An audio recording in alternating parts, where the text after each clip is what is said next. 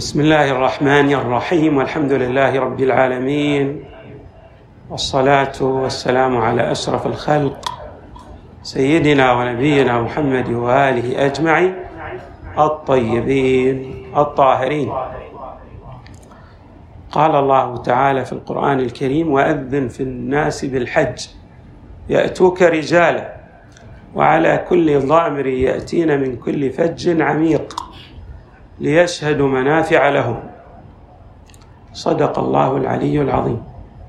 الحج من أعظم العبادات في شريعتنا الغراء. عبادة كما جاء في الرواية تمثل دعامة بني عليها الإسلام.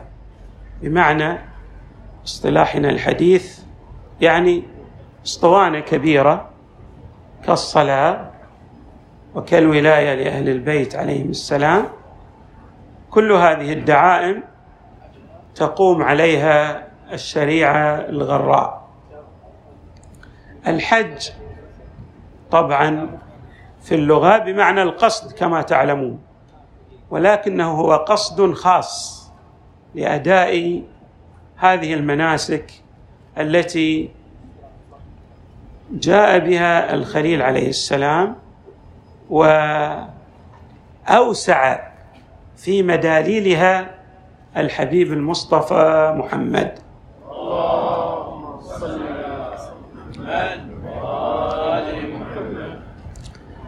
الحج يتكون من مجموعة من المناسك أيضا من أهم المناسك التي نؤديها في الحج الموقف بعرفة. الموقف بعرفة طبعا بالإجماع من الزوال إلى غروب الشمس. والمراد بالوقوف بعرفة هو المكث في عرفة بمعنى أن الإنسان ينوي أن يبقى هذه المدة في عرفة. والركن هو كما يشير الفقهاء هو مسمى البقاء أو اللبث في عرفة. يتحقق منه أداء هذا الشطر من هذه العبادة. بمعنى أنه يصدق عليه أنه وقف بعرفة. وإن كان يجب عليه أن يقف بعرفة إلى غروب الشمس يعني لا يسوغ له لا يجوز له أن يخرج إلى المشعر الحرام إلا بعد أن تغرب الشمس. في عرفة عرفة طبعا يوم دعاء. ولذلك تجدون أنه في هذه العشرة الأوائل من ذي الحجة التي جاءت الرواية عن المصطفى صلى الله عليه وآله ما من أيام أحب إلى الله العبادة منها كأيام العشرة من ذي الحجة. هذه العبادة فيها صوم. لكن هذا الصوم آه قيد أو خصص بمعنى أن آه في يوم التاسع من عرفة يستحب لكل مؤمن سواء كان بعرفة أو خارج عرفة. إذا كان الصوم يضعفه عن الدعاء يستحب له الإلحاح على الله بالدعاء وترك الصوم. بمعنى أن الدعاء له الأهمية الفائقة والدرجة العالية من العبادة. الدعاء كلنا نعرف أنه مخ العبادة بمعنى أنه زبدة المحتوى من كل العبادات لأن جميع العبادات ما هي الغاية منها؟ إيصال العبد إلى إدراك فقره وغنى الله عنه وأن ما لديه من النعم هو من عند الله تبارك وتعالى. كل العبادات الغاية منها والهدف الذي من أجله شرعت هي إيصال العبد إلى إدراك معنى عبودية الله تبارك وتعالى. إذا أدرك العبد هذا المحتوى أو هذا المضمون والمعنى فقد وصل إلى إدراك مقام العبودية الذي هو أرفع مقام يصل إليه العبد. يعني ليس هناك مقام يصل إليه العبد أرفع من مقام العبودية. ولذلك نحن نشهد للنبي صلى الله عليه وآله بهذا المقام قبل شهادتنا له بالرسالة. وأشهد أن محمدا عبده ورسوله. يعني نبين أن مقام العبودية الأرفع المقام السامق العالي هو الثابت اولا. للمصطفى صلى الله عليه وسلم. وهو أيضا يعبر عن هذا المقام العالي عندما سأله أحد أنك تجلس كجلسه العبيد. قال ويحك أو ويلك وهل رأيت أعبد مني؟ يعني إن هذا المقام من تسلق الذروة فيه وتسنم المكانه العاليه هو المصطفى ومن بعده آل محمد صل على محمد إعادة النية بعد قليل. إن شاء الله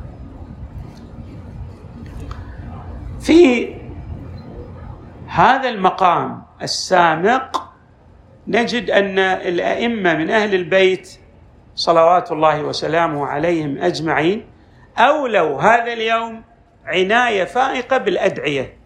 ومن أهم الأدعية في هذا اليوم الدعاء الوارد عن إمامنا الحسين عليه السلام. وهو دعاء عظيم. كل أدعية أهل البيت صلوات الله وسلامه عليهم أجمعين هي أدعية عظيمة ومؤثرة.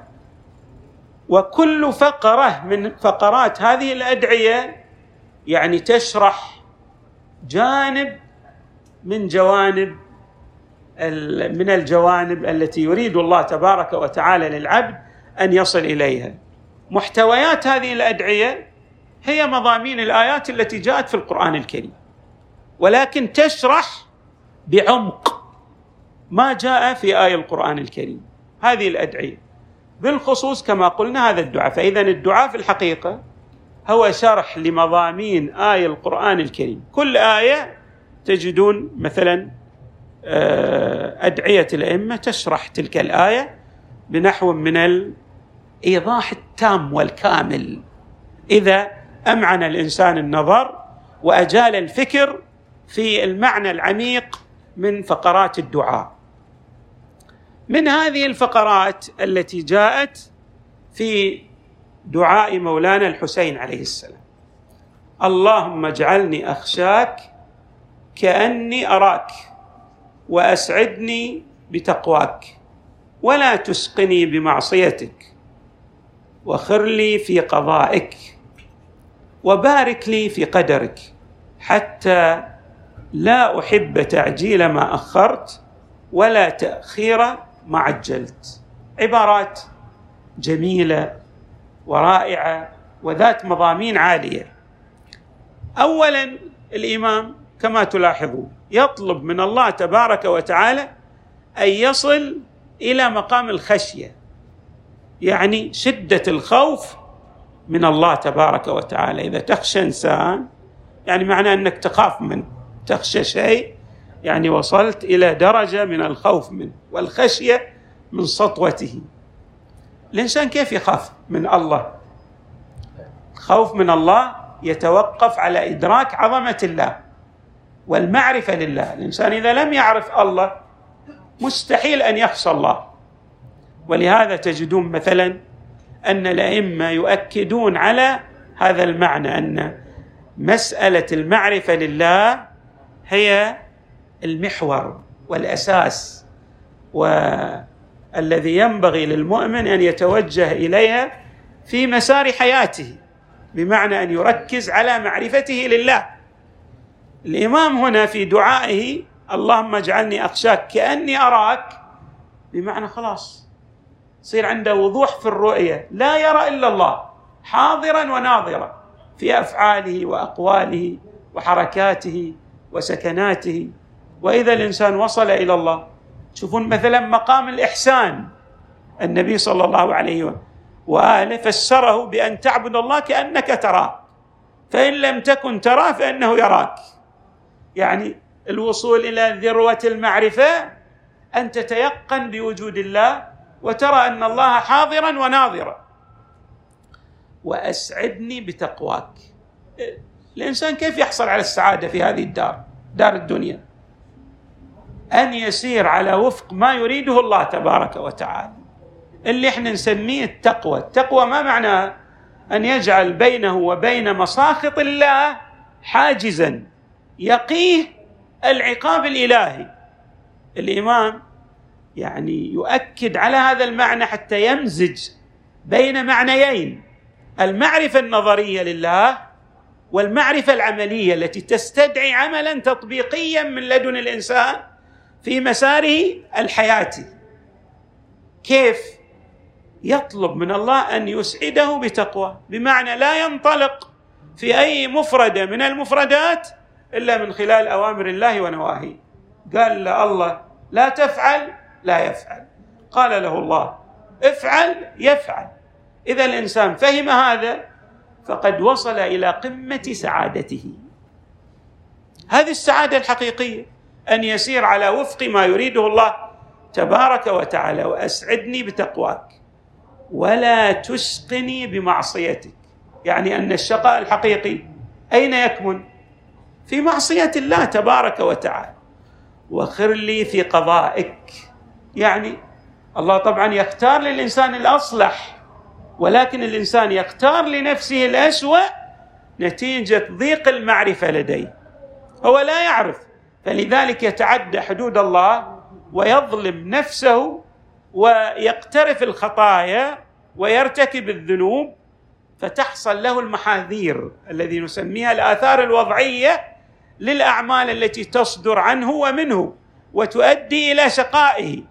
لكن إذا التفت ورجع إلى الله تبارك وتعالى وأناب والتوبة والأوبة والإنابة إلى الله تتحقق أيضا في أيام وأماكن. من هذه الأماكن هذا المكان الذي أنتم فيه. ومن هذه الأيام اليوم الذي أنتم فيه. لأن هذا اليوم هو يوم توبة ويوم معرفة لله. نحن نقرأ في الروايات أن الله تبارك وتعالى يعني عندما جاء آدم إلى هذا المكان الله أمره. أمره يعني أو هو آدم عليه السلام قبل أمر الله له هو اعترف بخطيئته وطلب من الله أن يتوب عليه. وإبراهيم عليه السلام أيضا كذلك. أمر بمعرفة الله وبالتوبة إلى الله في هذا المكان. وهذا معنى قرآني أيضا. فاعلم أنه لا إله إلا الله واستغفر لذنبك. فإذا هذا اليوم ففي هذا اليوم إذا الإنسان أناب إلى الله واستغفر بالتأكيد سيصل إلى المضمون الدقيق الذي ورد في هذا الدعاء المبارك. هذا الدعاء مليء بالمضامين العرفانية الكبيرة التي يحصل عليها الإنسان في هذا الدعاء. وحقيقته وحقيقته في الحقيقة الآية القرآنية التي جاءت في آية الذكر. ماذا تقول هذه الآية؟ الله الذي خلق سبع سماوات ومن الأرض مثلهن يتنزل الأمر بينهن. لتعلموا أن الله على كل شيء قدير. وأن الله قد أحاط بكل شيء علما. الهدف من كل هالمخلوقات أن تصلوا إلى أن الله يقدر على كل شيء ويحيط بكل شيء علم. إحنا في الموقف هنا نريد أن نصل إلى هذين الأمرين. وبالتالي نتلافى ما صدر منا من خطايا وذنوب ونضرع إلى الله مبتهلين أن نحصل على عفوه ورضوانه ومغفرته ونسعد أيضا بقربنا من محمد وآل محمد. اللهم صل على محمد.